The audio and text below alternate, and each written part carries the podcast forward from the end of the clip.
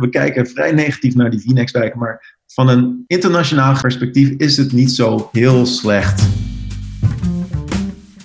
Welkom bij Gebiedsontwikkeling voor alle hoogtes, de vierde editie van de podcast van gebiedsontwikkeling.nu.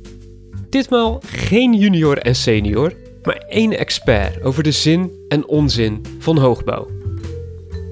Mijn naam is Inge Jansen, adjunct hoofdredacteur van gebiedsontwikkeling.nu en in de komende 40 minuten praat ik met Stefan Al. Ik vanuit Rotterdam, hij vanuit New York. Stefan studeerde af als architect bij de TU Delft. En sindsdien werkt hij wereldwijd aan de grootste gebouwen en gebieden. Hij is bovendien hoogleraar op meerdere universiteiten, TED-spreker en adviseur voor organisaties als UNESCO en de Verenigde Naties. In deze podcast vertelt hij over zijn ervaringen met bouwen in de drukte van de stad en boven het spoor maar ook de mogelijkheden voor duurzame hoogbouw en de kansen, maar ook gevaren van hoogbouw in Nederland. Stefan, hallo. hoe gaat ie? hoe lang woon jij nu in Amerika, in New York?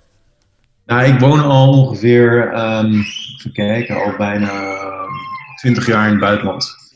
Dus eerst in, uh, in Barcelona, Parijs, Londen, uh, toen Amerika, vandaar naar Hongkong. Eh, en nu weer terug in Amerika. Uh, dus ja, ik, ik, ik, spreek niet zo heel veel Nederlands meer. Dus vandaar zeker die vaktermen, die vaktermen, die, uh, die gaan niet zo vloeiend meer. Laten we even bij het begin beginnen. Jouw biografie is, en nu druk ik het rustig uit, indrukwekkend. Je hebt aan hele grote projecten gewerkt, wereldwijd. zowel in grootte qua hoe groot het gebied is als de hoogte ervan. Um, je bent hoogleraar geweest of je bent dat nog steeds. Je geeft les op een aantal universiteiten. Je bent TED-speaker. Hoe, hoe vat jij dit zelf samen op een verjaardag? Want mensen aan je vragen, wat is precies je achtergrond, wat doe je? Ja, ja ik ben gewoon uh, in Delft begonnen, zoals veel architecten in Nederland. Um, en vandaar uh, had ik altijd al een, uh, een drukte, voelde ik een drukte om naar het buitenland te gaan. En ik weet nog, in Delft had ik me opgegeven voor een stage Ehm, via een organisatie in, in het buitenland. En ik had Japan opgegeven als uh, mijn, uh, mijn wens. En uiteindelijk kwam de man die die stagiairs had onderhandeld, kwam terug met Jordanië. ik dacht, nou, tenminste, tenminste met een J, dacht ik. Dus vandaar, vandaar dacht ik, nou, laat ik het maar doen. En, en sindsdien um, heb ik niet meer teruggekeken en alleen maar, maar veel in het buitenland En het is leuk voor je carrière om naar, naar het buitenland te gaan. Het is niet alleen voor toerisme, maar ook gewoon voor je werk. En ik heb dus verschillende banen heb ik gehad in uh, ja, verschillende delen van de wereld. Hongkong, uh, New York, Parijs. En, en dat, dat geeft je meer internationaal perspectief op, op architectuur en stedenbouw. En, en soms is dat handig voor uh, zeg maar, grote, grote vraagstukken. Wat is het grootste waar je aan gewerkt hebt? Een project waar je aan herinnerd wil worden in de rest van je leven? Misschien een van de leukste projecten was uh, heel vroeg in mijn carrière. had ik voor een bureau in Amsterdam gewerkt. Uh, Information-based architecture. Met Mark Hemel en Barbara Kuit. En dat was op dat moment, deden we een wedstrijd voor de werelds hoogste toren. voor 600 meter hoog. En uiteindelijk hadden we die wedstrijd gewonnen en die toren is ook gebouwd. Dus dat was wel heel bijzonder. En ik moet eerlijk zeggen dat sindsdien ben ik ook veel meer naar zeg maar, grootschalige en, en stedelijke vraagstukken gaan, kijken, gaan kijken. Omdat uh, ik realiseerde me dat die, die toren zo groot was. Uh, en, en we moesten zoveel ook aan stedenbouw doen rondom die toren. Dat ik maar, meer wilde leren hierover en meer wilde lezen uiteindelijk ben ik toen gaan promoveren in, uh, in de stedenbouwkunde aan, aan UC Berkeley. En vandaar ben ik ook uh, professor geworden aan, aan, verschillende universiteiten. Dus eerst in Hongkong, uh, toen in, in UPenn in Philadelphia, en nu aan verschillende universiteiten in New York. zoals ook bijvoorbeeld Columbia University. En daarna schrijf ik ook. Ik ben bezig met verschillende boeken en uh, ik heb dus nu een, nieuw boek waar ik mee bezig ben over hoogbouw uh, en meer duurzame manieren van, uh, van, van, hoogbouw. En zo zeg maar, internationaal perspectief. Of het op het bouwen van torens in Singapore, New York, Hongkong en, en Londen. Kun je al iets vertellen wat er in dit boek gaat komen? Hoe kijk jij tegen hoogbouw? Hoe zeg je dat? Uh, de, these, de these van het boek is dat uh, op dit moment er een, een soort een, een, nieuwe interesse is in hoogbouw, uh, wereldwijd, vanwege verschillende redenen. Ehm, de eerste is dat de techniek is bijzonder is, is, is omhoog gegaan. Beton is sterker, structuren zijn, zijn beter. Liften gaan sneller, gevels zijn meer, meer duurzaam. Maar misschien belangrijker is de sociale aspect van deze nieuwe trend. En als je kijkt naar Amerika, maar ook in Europa, uh, na de Tweede Wereldoorlog uh, is natuurlijk heel veel, ja, hoe noem je dat in Nederland, waren dat de, de Vinex-dorpen, natuurlijk de Vinex-wijken. Uh, maar in, in Londen, de, suburbs, in, in, in Amerika ook. Dus een grote massamigratie van de stad naar de, de suburbs. En, en wat je dus nu ziet de afgelopen 20, 25 jaar, is dat die tendens weer teruggaat naar de stad. Um, in Amerika zijn heel veel banen zijn naar grote steden gegaan. Uh, San Francisco, New York. millennials die willen niet meer dingen zoals een, een ouders, zoals eh, een, vrijstaand huis met een, met een tuin en, en een auto, die willen liever in, in een suburb, die willen liever uh, de ervaringen, de verschillende ervaringen die het, stedelijke leven met zich meebrengt. Uh, dus, dus er is een, nieuwe demog demografie, een nieuwe doelgroep, die verwacht andere dingen voor hun, hun leven en, lifestyle. en dat is goed voor, voor in, in, in, op veel manieren. Ik bedoel, het, is, het is meer duurzaam om in een stad te wonen. En het is meer duurzaam als mensen met het openbaar vervoer gaan. Uh, in plaats van een auto nodig hebben om naar de shoppingmall te rijden in de suburb. Uh, maar het heeft natuurlijk ook wat brengt ook problematiek met zich mee. En er zijn heel veel discussies over hoogbouw in Nederland natuurlijk ook. Maar in, in Londen maar, de publieke opinie is daar heel erg vers. Als je kijkt naar alle nicknames voor skyscrapers, de, de Gherkin, de Shard, de Cheese Grater. Dus, dus het volk heeft echt uh, zeg maar, veel interesse het is een heel esthetiek en, en een heel debat over, over die, die torens. Vaak omdat er ook een publiek proces aan vastzit. En New York is een, een, beetje anders, omdat heel veel van die torens hier, uh, die mogen gebouwd worden. Dus je hebt niet een publiek proces nodig. Dat, heel zelden wordt, wordt dat gedaan. Maar wat wel interessant hier is in New York, is dat, dat hele bijzondere wetten bestaan die ontwikkelaars kunnen gebruiken om, om hoger en hoger te bouwen. Dus in New York kan je bijvoorbeeld de lucht kan je verkopen. Uh, en soms is de lucht meer waard dan, de land, dan het land eronder. Uh, en, en, dat is natuurlijk wel, wel bizar. Uh, maar het is een heel mooi systeem en, en het leidt tot maar een, een, blok met veel verschillende gebouwen, superhoge gebouwen, maar ook heel lage gebouwen. Omdat die lage gebouwen dus dat de lucht boven hun, hun, hun perceel kunnen verkopen aan, aan een ontwikkelaar. En, en dat heeft wel zijn voordelen. Omdat je dus echt een skyline krijgt die heel erg dynamiek is. Dus een superhoge toren naast een heel laag gebouw. Maar tegelijkertijd heb je ook dat uh, bijvoorbeeld oude gebouwen, landmark buildings, historisch uh, significante gebouwen, uh, daardoor langer kunnen bestaan. Dus dat je niet een ontwikkelaar krijgt die zegt: Oké, ik ga dit. dit gaat plat, we kunnen veel meer geld verdienen als we een grote toren neerzetten. Nou, nu kan dus zo'n historisch pand kan die luchtrechten verkopen en, en, en een nieuwe toren neerzetten. Hongkong is ook heel bijzonder. Ik heb drie, drie jaar in Hongkong gewoond. Uh, als je naar Hongkong kijkt als een stad, het, het ziet eruit als een, een soort jungle van skyscrapers. Het is de stad met de meest, meeste wolkenkrabbers ter wereld. En het is niet zoals uh, New York, waar het een, een grid is. Hier in, in Hongkong is het maar zo'n organische plattegrond. en heel veel topografie, heuvels. Dus het, ziet er echt uit als grote chaos. Maar als je in Hongkong woont, de, de, echt de grote verrassing is dat het eigenlijk heel erg gestructureerd en, en heel erg, ja, ze noemen het convenient is. Het is heel erg makkelijk of handig. En dat heeft te maken met een, ja, geen geheim, maar wel iets wat, wat veel mensen niet, niet over nadenken, is dat, dat, dat je een hele goede organisatie hebt in uh. Dat heet de MTR. Dat is de transportontwikkelaar. Die opereert en bouwt metrostations. Maar dat is ook, ook een projectontwikkelaar. Dus het voordeel daarvan is dat zij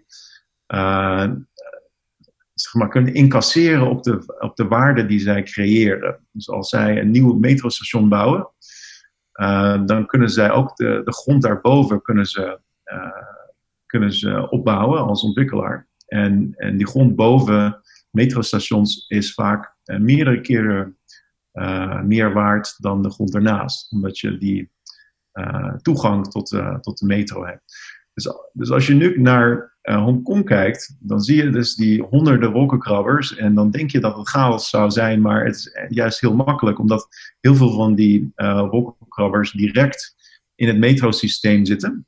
En je kan gewoon van, van de metro naar je office cubicle door op, met een escalator, een roltrap, of, of, soms direct met de lift van het metrostation je kantoorgebouw in.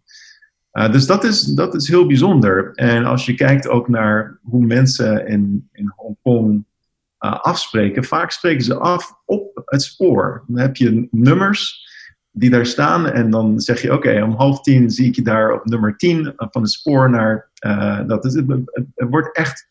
De publiek, het publiek transport structureert mensen's leven echt in Hongkong. En als je kijkt bijvoorbeeld naar advertenties voor restaurants dan staat er niet zozeer een adres, maar dan staat er de, de exit of de metro exit die je moet nemen om daar te komen. Dus bijvoorbeeld uh, Hong Kong Central uh, C, C2.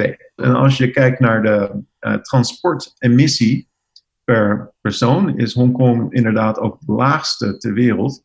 En dat 90% van alle trips die genomen worden zijn met het openbaar vervoer ja, geen andere stad komt daar uh, dichtbij aan. Dus, dus dat natuurlijk ook qua duurzaamheid. Ik bedoel, Hongkong heeft veel problemen. Die, die wolkenkrabbers die staan daar in een tropisch klimaat. En, en er wordt ontzettend veel energie verspild aan airconditioning. Maar tegelijkertijd uh, krijg je dus veel minder energie verspild qua autogebruik. omdat de gemiddelde auto is, rit is vijf keer minder efficiënt dan een metro. En dat heeft vaak te maken met de capaciteit. Dat er meer mensen per voertuig in een, in, metro zitten dan, dan in een auto. Singapore natuurlijk is ook weer heel bijzonder voor andere redenen. Wat zo mooi is aan Singapore is dat je daar maar groene, echt nou, letterlijk groene wolkenkrabbers hebt. en verschillende ja, torens met, met groene parken erin, bomen.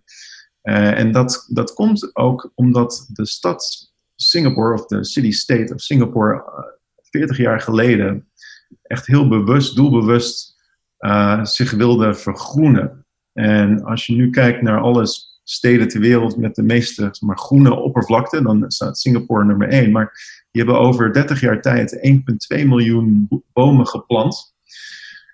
En ook wetten ingevoerd die maar dichtheid verzekeren, maar ook dichtheid die groen is. Bijvoorbeeld als jij een gebouw wil ontwikkelen in Singapore op een open ruimte, dan ben jij verplicht die open ruimte die jij gaat uh, bezetten met jouw gebouw, om die op verschillende andere plekken die, die toren terug te brengen. Dus je ben je verplicht om, om een, een, een uh, ja, skypark te maken. En dat werkt natuurlijk goed voor een tropisch klimaat in Singapore, waar je uh, eigenlijk niet veel kan, uh, kan koelen, omdat het altijd warm is. Poreuze gebouwen zijn daar heel goed voor dat klimaat. Dat doen ze heel mooi daar.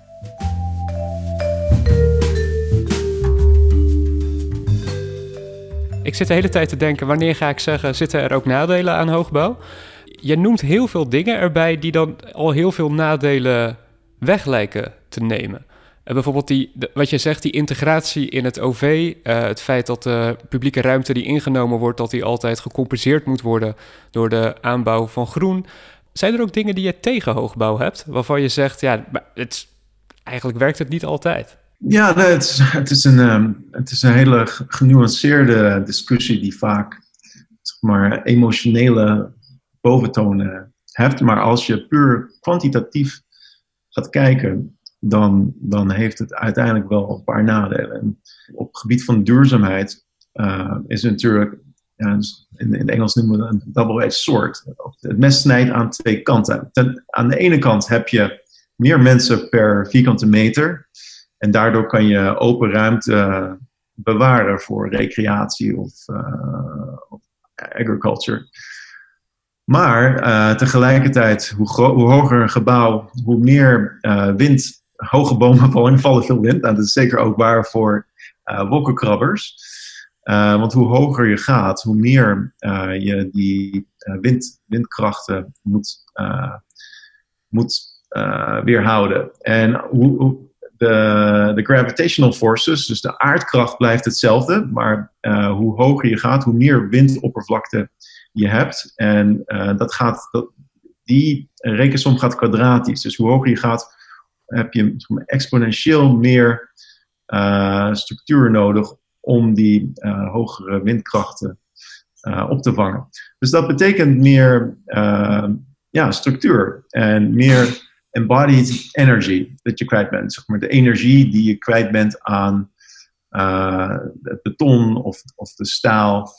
Uh, en dat krijg je niet meer terug. Dus dat, dat is echt, uh, echt een nadeel. Een ander nadeel is dat veel wolkenkrabbers die wij kennen, voornamelijk glas zijn. en glas is een, verschrikkelijke muur. Die, en is mooi om naar buiten te kijken, maar hele slechte isolerende waarden. Zelfs triple glazing komt niet in de buurt van een, een mooie muur.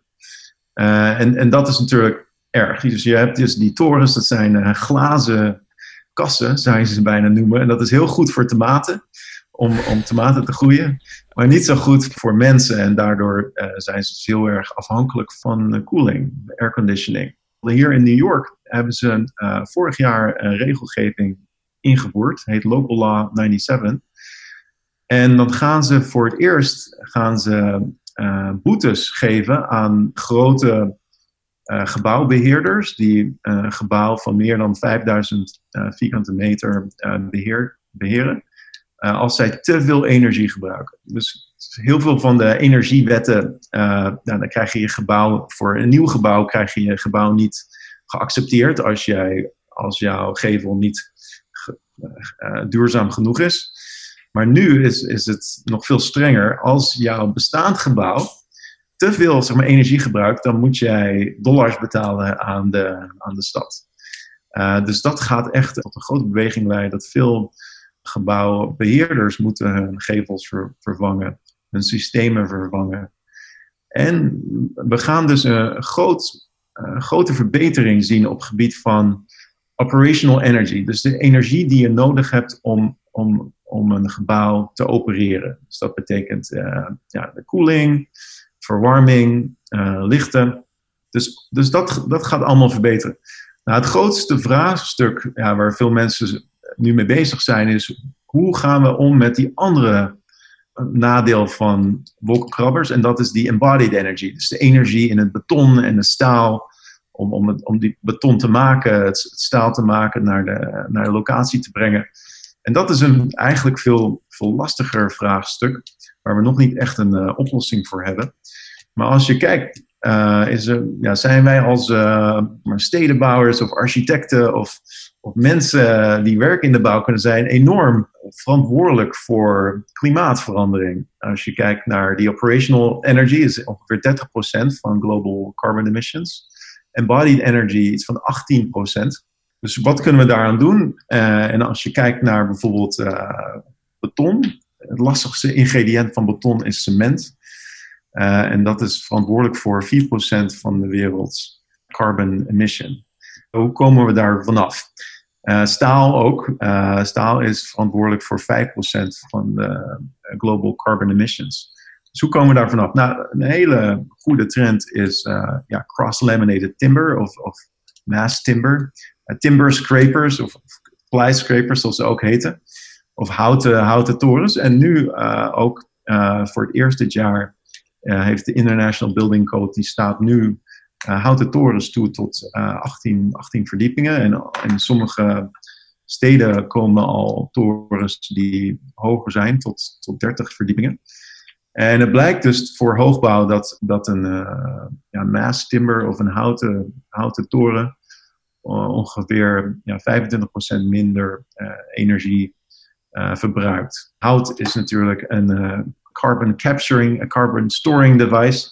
en dus dat, dat slaat carbon emissions op. Als je tenminste een nieuwe boom plant voor elke boom die je eruit haalt. En in plaats van beton of cement.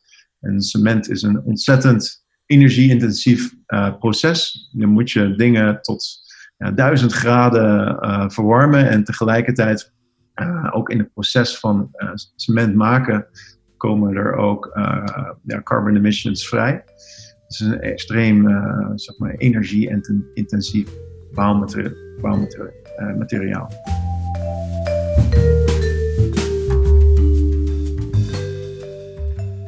Jij geeft nu heel veel oplossingen voor hoe we hoogbouw duurzamer kunnen krijgen. Uh, je hebt natuurlijk ook een, een, grote stroming die zegt: ja, we moeten eigenlijk helemaal geen hoogbouw hebben. De wijken met de hoogste dichtheid, dat zijn wijken die bijvoorbeeld negen hoog zijn. Dat, hoog, dat alles daarboven, dat dat eigenlijk te duur wordt, dat het te intensief wordt, dat je te veel grondoppervlak nodig hebt, dat het onmenselijk is, et cetera. Zie jij hoogbouw als een noodzakelijkheid of als een van de variaties die mogelijk is voor verdichting? Ja, het is, het is, het is een van, de, van je wapens in een arsenaal als stedenbouwer. Wanneer zet je dan hoogbouw in? Wanneer gebruik je precies dit wapen? Nou, bijvoorbeeld, uh, ik heb voor een uh, bedrijf gewerkt wat heel veel uh, bouwen boven spoor heeft gedaan.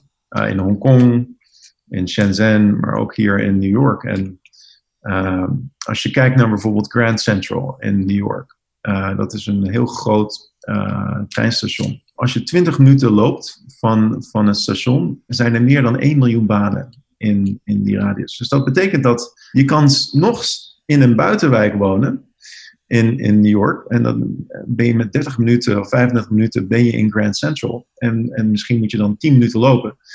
Uh, dus dan kan je nog steeds uh, in Manhattan werken. En dat is natuurlijk wel mooi door die dichtheid. Dus als jij, als jij de beste, het beste voorbeeld hiervoor is echt daadwerkelijk boven spoor bouwen.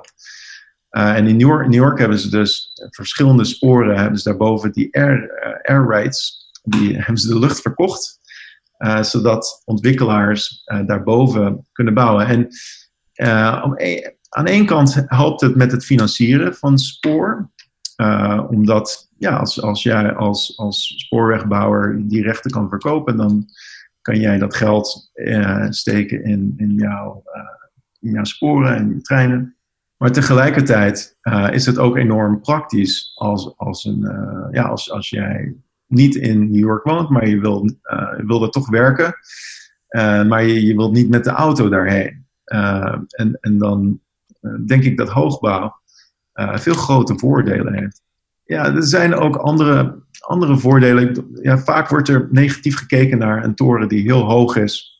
Maar als je kijkt naar zeg maar, een wat lagere toren, en zeg maar, een toren die 30 verdiepingen, maar 30, verdiepingen hoog is en, en heel wijd is bijvoorbeeld, dat is voor de skyline een groter probleem dan een, hele hoge toren die heel dun is. Want die schaduw van zo'n dunne toren uh, die valt, uh, ja, die gaat veel sneller door een park of door een ruimte dan zo'n dikke toren. Uh, dus zo'n dikke korte toren. En ook voor de skyline is het wel mooi als je maar, wat afwisseling hebt. en symbolisch ook, als je kijkt naar de geschiedenis van de mensheid. Natuurlijk, sinds Egypte zijn wij bezig geweest met met maar, hoger, hoger te kunnen bouwen. En natuurlijk op een bepaald moment wordt het absurd. Uh, ja, waarom moeten we hoger dan, uh, dan een kilometer bijvoorbeeld? En, dat is echt, niet nodig. maar het is ook maar een soort kunnen. Het is net naar de maan gaan, dus dat wij dat technisch kunnen. Dat is natuurlijk wel iets dat wij dat als beschaving uh, kunnen bereiken. En er zijn heel wat innovaties die van, hoogbouw, van hele hoge torens zijn gekomen, die we nou ook kunnen toepassen op kleinere torens. En een voorbeeld bijvoorbeeld is de, Tuned Mass Damper. Dat is een soort een, groot gewicht dat je hebt aan hele hoge torens, want die, uh, door de wind bewegen ze heel veel. En als het meer dan een meter is, dan, dan is niet dat die toren gaat omvallen of zo, maar dan voelen wij ons ongemakkelijk. Als jij daar zit aan, aan tafel en je, en je ziet je glas bewegen en het water bewegen, dan, rennen vaak mensen al naar het toilet. Maar dat kan je voorkomen door zo'n groot, uh, groot gewicht van, van ja, 800 ton uh, neer te zetten op, uh, op drijfveren, zodat het maar een, een, een, ja, een tegenbeweging maakt. En die, die wind eruit beweegt. En dat kan je nu ook toepassen op houten torens bijvoorbeeld. Dus houten torens zijn niet zo sterk als beton of staal.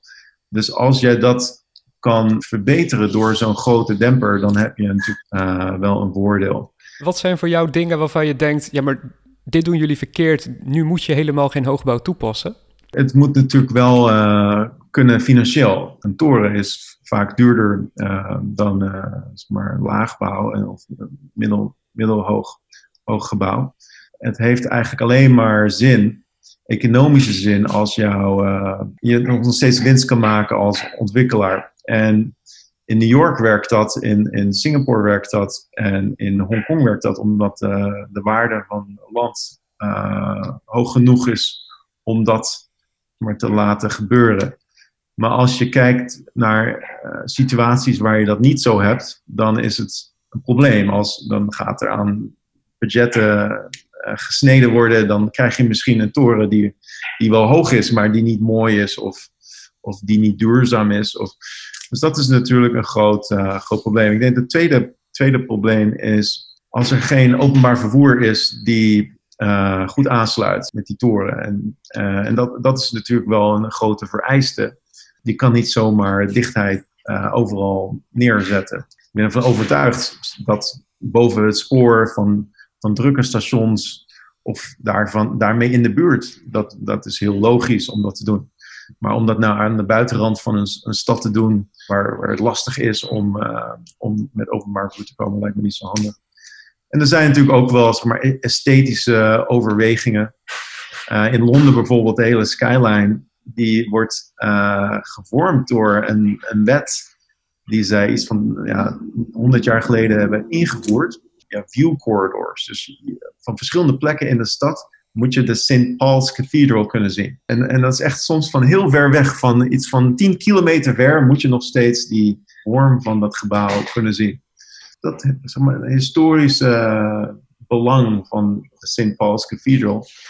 Uh, dat betekent dat heel veel ja, wolkenkrabbers mogen niet gebouwd worden in die, uh, die, view corridors. Ja, nu is er natuurlijk heel veel debat hierover, omdat veel van die nieuwe torens die, die staan misschien niet precies in die view corridor, maar dan staan ze er net achter of dan staan ze er heel dichtbij en dan moet er een publiek proces komen en uiteindelijk kan zo'n toren dan worden afgekeurd. Maar in Londen is er uh, ja, een grote hoeveelheid van de bevolking vindt die ja, die oude eh, historische panden hechten daar waarde aan. Uh, dus dan, uh, als dan de, maar de stad besluit daar ook waarde aan te hechten, dan is een wolkenkrabber daar niet, niet van toepassing.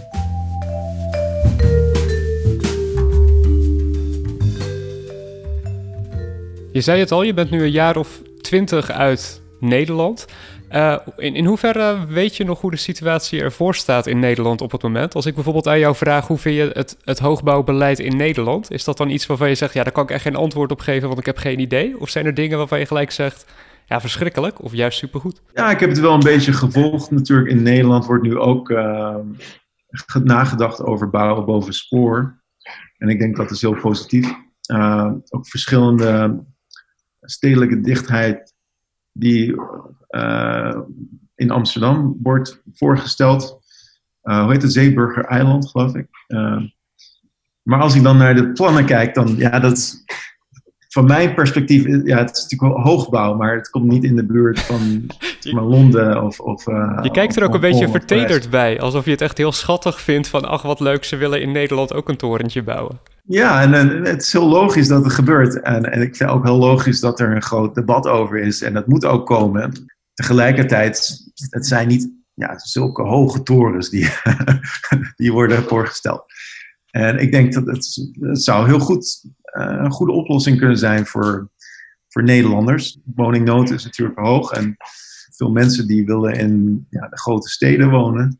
Ik denk dat je de, binnen de, de grenzen van de stad zeker wel uh, ruimte kan vinden voor, voor hoogbouw. De, de Zuidas bijvoorbeeld, dat voelt nog een beetje als zo'n kantoorpark. Ja, het is een beetje de, hetzelfde probleem als uh, in, La Défense in Parijs en uh, in, in, in, in Londen de Canary Wharf.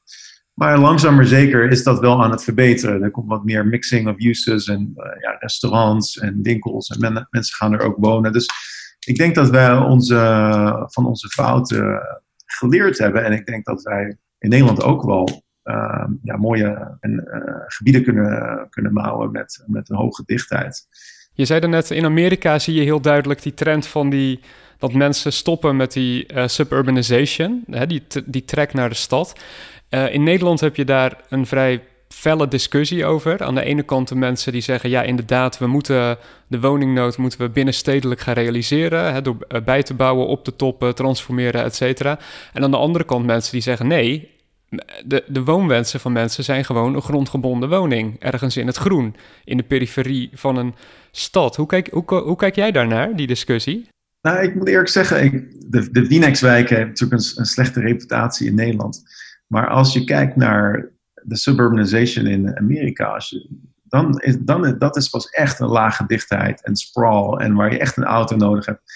En een gemiddelde, uh, ja, ze noemen ze McMansions in, in Amerika, dat is van die kasten van huizen met een grote lap grond erom, met een garage waar je vier auto's kan insteken uh, en waar je dan echt met de auto, maar, zonder auto kom je nergens.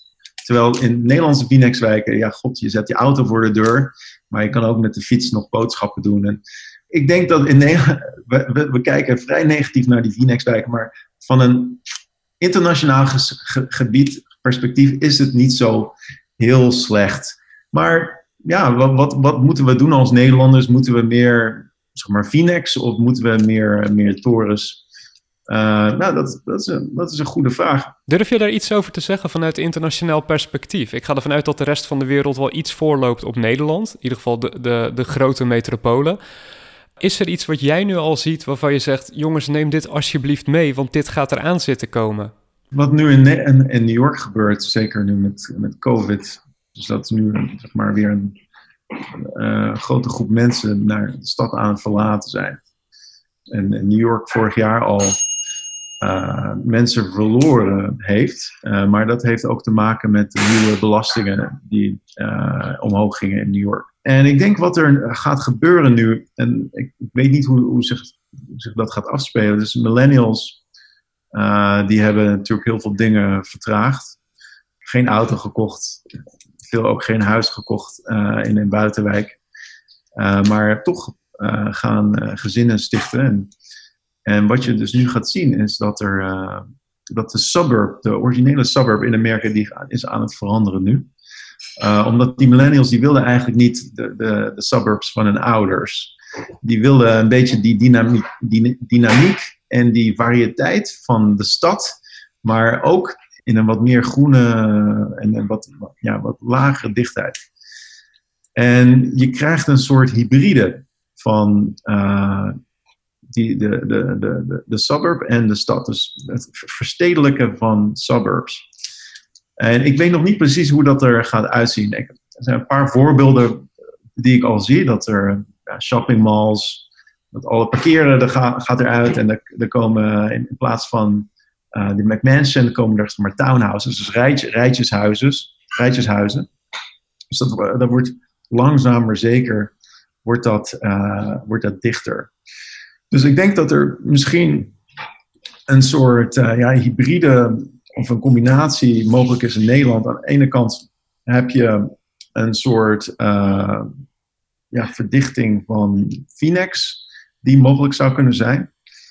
En aan de andere kant uh, zou je ook maar binnen de steden kunnen verdichten, voornamelijk rondom, rondom het spoor. En dan, ja, ik denk, ik, ik denk wat je kan doen als overheid. ja, je kan wel zeggen, ja, de markt wil dit, de markt wil dat, maar je kan ook als overheid kan je bepaalde dingen stimuleren. dus als er geen, geen geld is voor openbaar vervoer, voor, vervoer eh, voor de gemeente Amsterdam bijvoorbeeld, eh, kan je ook zeggen: Oké, als we hebben hier uh, Zeeburger Eiland en als jij als ontwikkelaar daar, mag je als een, een, toren van 15 verdiepingen neerzetten. Wil jij een toren van 20 verdiepingen neerzetten, dan moet jij 20 miljoen betalen aan, aan een fonds dat naar het openbaar vervoer gaat. Dus ik, ik denk dat je als overheid, als je inderdaad meer dichtheid wil binnen de stad, en ik denk dat ja, als je kijkt naar de huizenprijzen in Amsterdam, dan, lijkt het me wel dat, dat die markt daar bestaat. Dan zou je dat kunnen stimuleren. Nou, dan kan je kijken wat er, uh, wat er door de, de markt neergezet wordt. Zijn er ook dingen die je Mordicus afraadt, waarvan je internationaal gezien hebt, jongens in Nederland, doe dit alsjeblieft niet, want het gaat helemaal verkeerd?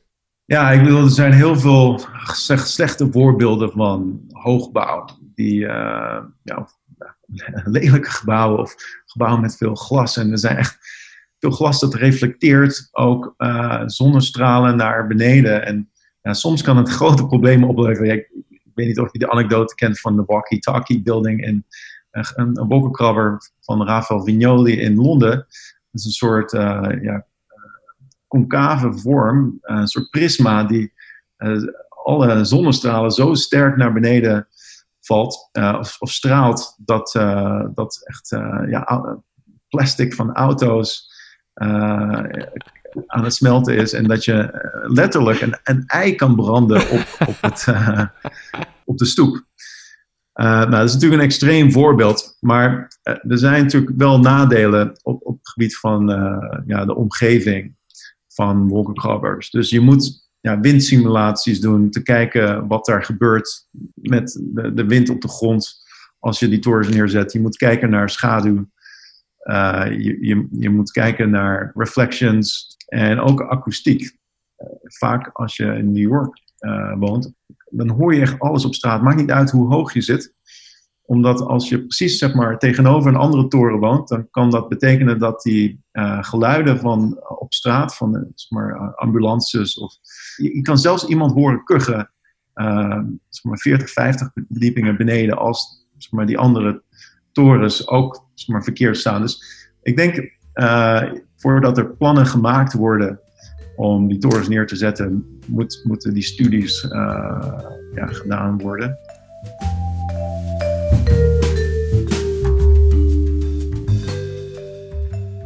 Als laatste, als er uh, één plek is in Nederland waar jij een toren zou mogen neerzetten, waar zou je dat dan doen? Nou, er zijn verschillende stations. Uh, je mag er eentje kiezen. Oké, ik, ik, weet dat er één al wordt over, overwogen. Is het Amsterdam Sloterdijk? Ja, dat klopt. Is dat, een, is dat, het grootste station daar? Ja, oké. Okay. Ik, ik ga voor dat veilige antwoord. Uh, van Sloterdijk. Want ik, ik heb dat natuurlijk allemaal niet zo goed in de gaten gehouden. Maar als je kijkt naar Utrecht, Hoogkaterijnen, hoe, hoe, ze dat hebben vernieuwd. Ik denk dat dat, dat uh, vrij positief is. Ook maar nieuwe uh, dichtheid ingebracht. Maar nog wel een gevaar, wat ik wil vertellen, is uh, over, over de shopping malls. Kijk, daar hebben we het nog niet over gehad, maar Singapore, Hongkong, en nu ook New York, zeg maar, heel veel van die grote projecten komen dus ook met die uh, shopping malls. En ik denk dat dat is toch iets wat we moeten ontwijken als Nederlanders. Omdat... Wat is er zo erg aan Zuidplein? er zijn natuurlijk heel veel slechte shoppingmalls in Nederland, maar wat is daar zo problematisch aan? Nou, omdat je, je mist iets van die diversiteit van een stad. Als je, maar één, als je één eigenaar hebt van een heel gebied, dan, dan mis je een beetje die diversiteit die je krijgt als je verschillende eigenaren hebt uh, die aan een stad iets kunnen uh, meedoen. En ik zal je een voorbeeld geven hier in, uh, in New York, Hudson Yards, is ook een zeg maar, heel grote ontwikkeling boven spoor. En daar is ook een hele grote shoppingmall neergezet. En het probleem van die shoppingmall is dat je niet meer, zeg maar, die, die porositeit die, wil, die, die belangrijk is voor steden, die raak je kwijt. Je kan niet meer uh, door kleine straatjes lopen. Je wordt altijd gedwongen door die shoppingmall te lopen. En dat is toch vrij, uh, vrij irritant. Een goede mall is natuurlijk een goede mall, maar er zijn ook heel veel slechte, slechte shoppingmalls. En ja, ik denk dat we in, in, Nederland moeten we dat vermijden. bijvoorbeeld de Koopgroot bijvoorbeeld is natuurlijk een mooi voorbeeld. En dat is een, nou, niet echt een shoppingmall, maar het heeft geen dak. Maar het, heeft wel een belangrijke rol in de stad. En dat het twee delen van Rotterdam verbindt. Maar vaak is een shoppingmall tegenovergestelde. Een, ja, een soort blokkade voor mensen. Dat je er echt, uh, je moet er of doorheen of je moet er helemaal omheen lopen. Dat is misschien goed voor, voor winkeleigenaars, maar voor de publieke ruimte is dat een, uh, een groot nadeel. Samenvattend, hoogbouw, hartstikke leuk, noodzakelijk, maar wel altijd in de buurt van heel goed OV. En heel goed nadenken over hoe je het in het grote geheel der dingen verweeft. Het is een, um, een oplossing, denk ik, voor de 21ste eeuw. Maar we moeten er heel genuanceerd over nadenken. En, en alle voordelen en, en nadelen uh, ja, goed, goed bestuderen. Uh, want als je eenmaal zo'n zo'n toren neerzet, dan staat hij er voor 50 jaar. En, en het laatste dat je wil is, is uh, naar zo'n zo'n lelijke toren kijken. Of, of, of, of, of, dat jij, als je, je je fiets parkeert voor die, voor die toren, dat de handvaten gesmolten zijn na, na 10 minuten.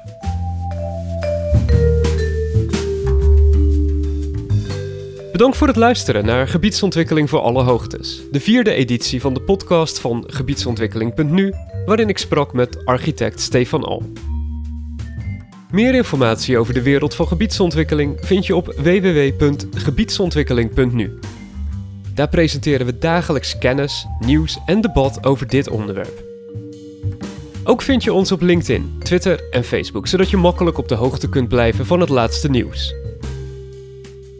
Bedankt voor het luisteren en graag tot de volgende editie van deze podcast.